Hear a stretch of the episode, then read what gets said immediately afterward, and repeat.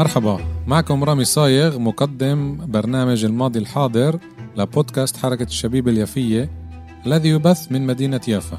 برنامج الماضي الحاضر سيشبك بين أحداث تاريخية وبين واقعنا الحالي الذي نعيشه بشكل خاص في البلاد وفي الوطن العربي بشكل عام. سأستضيف من خلال البرنامج شخصيات يافوية وفلسطينية للبحث في هذه الأحداث.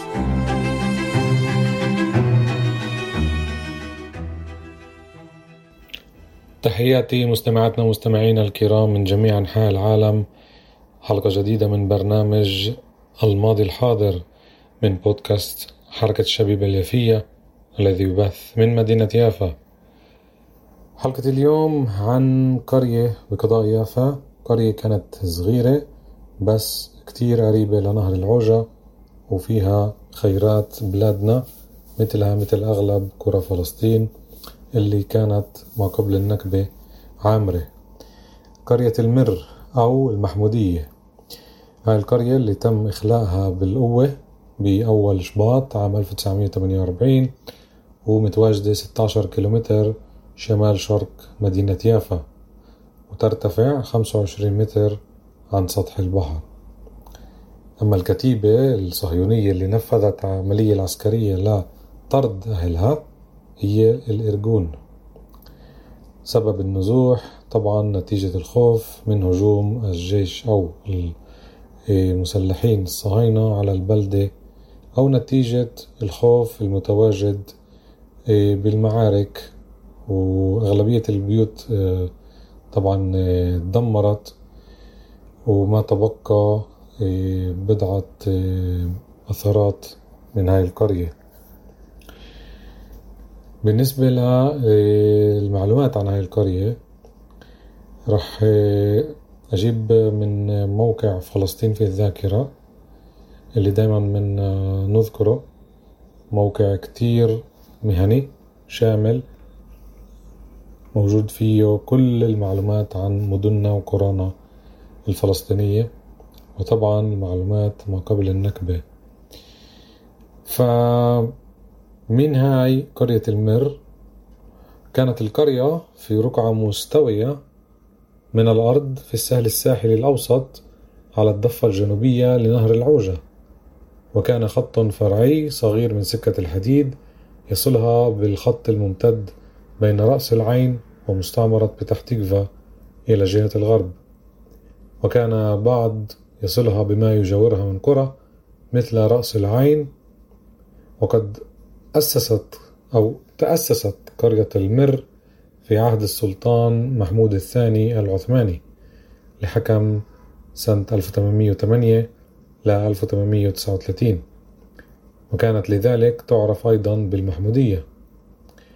في أواخر القرن التاسع عشر كانت المر قرية مبنية بالطوب وتميزها طاحونة تنتصب قرب النهر المجاورة. صنفت القرية كمزرعة في معجم فلسطين الجغرافي الذي وضع أيام الانتداب وكان سكانهم كلهم من المسلمين وكانوا في معظمهم يعملون في الزراعة وإن كان نفر منهم يشتغل في قطاع المواصلات. وكان سكان المر يعنون بصورة أساسية بزراعة الحمضيات والزيتون في أراضي القرية الممتدة إلى الشرق منها وإلى الغرب. وطبعا الأراضي الزراعية كانت عبارة عن أراضي الحمضيات والموز والحبوب. وما تبقى من القرية اليوم جسر تركي في طرف موقع القرية. أما بالنسبة لاحتلال القرية وتطهيرها عرقيا جاء تقرير الاستخبارات العسكرية الصهيونية أن سكان المر غادروها في 3 شباط عام 48 جراء حال من الذعر العام. وبسبب وقوع القرية إلى الشمال الشرقي من بتح تيكفا ووسط عدة مستعمرات صهيونية أخرى. وظن سكانها أنها ستكون هدفا محتملا في أوائل الحرب. وفي أواخر سنة 1947 أي بعد قرار التقسيم وأوائل سنة 1948 تعرضت الكرة العربية الواقعة بين مستعمرة تل أبيب وحديرة لهجوم شنته قوات الهجنة والإرجون معا. غير أن صحيفة نيويورك تايمز استشهدت ببيان صادر عن الجيش البريطاني في أواسط شهر أيار وفحواه أن القوات الصهيونية هاجمت المر في ذلك الوقت. ومن الجائز أن يكون هجوم 13 أيار عام 48 اتخذ شكل غزوة داخل منطقة المثلث نفذها رتلان من أرتال الإرجون في الفترة نفسها تقريبا. إيش بالنسبة للقرية اليوم؟ المصدر اللي جبناه طبعا من كتاب كي لا ننسى للدكتور وليد الخالدي. بقول إنه كل ما بقي من القرية بعض المنازل الكبيرة المهجورة المحفوفة بالنباتات الطويلة الشائكة وبعض أبار القرية وطرقها غير المستعملة. أحد المنازل مبني بالأسمنت ومؤلف من طبقتين مسطح السقف وذو نوافذ وأبواب مستطيلة. وهنالك منزل آخر وهو أيضا بالأسمنت ومؤلف من طبقتين كبير جدا وذو نمط معماري متطور إذ تمتاز واجهة الطبقة السفلية منه بثلاثة أبواب تعلوها قناطر دائرية. ويفضي الباب الرئيسي إلى رواق مرتفع يشطر الطبقة السفلية نصفين ويعلو أول سقف من حيث البناء ومتراجع عن واجهة المنزل وتتميز بواجهة ذات ثلاث نوافذ مقنطرة. وسقف الطبقة العلوية مزخرف بكورنيش مسنن. ومما تبقى أيضا بئر مصفحة بالحجارة آخذة بالتلف ولا تزال طرقاتها في داخلها. وتنتشر الخطوط الفرعية لسكة الحديد في أنحاء موقع القرية. ومثلها بعض أشجار النخيل أما الأراضي المحيطة فقد حولها المزارعون الصهاينة إلى بساتين فاكهة. طبعا المصدر كتب من عدة سنوات واليوم 2023 على ما يبدو صار في تغيير بسيط على هاي المعالم.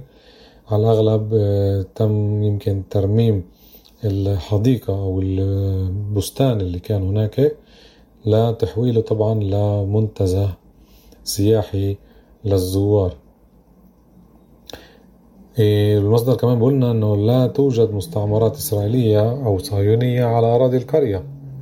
وتقع مستعمرة نافيبراك التي أنشئت سنة 1951 على بعد كيلومترين إلى الشمال الشرقي من موقع القرية على أراض تابعة لقرية جلجوليا العامرة.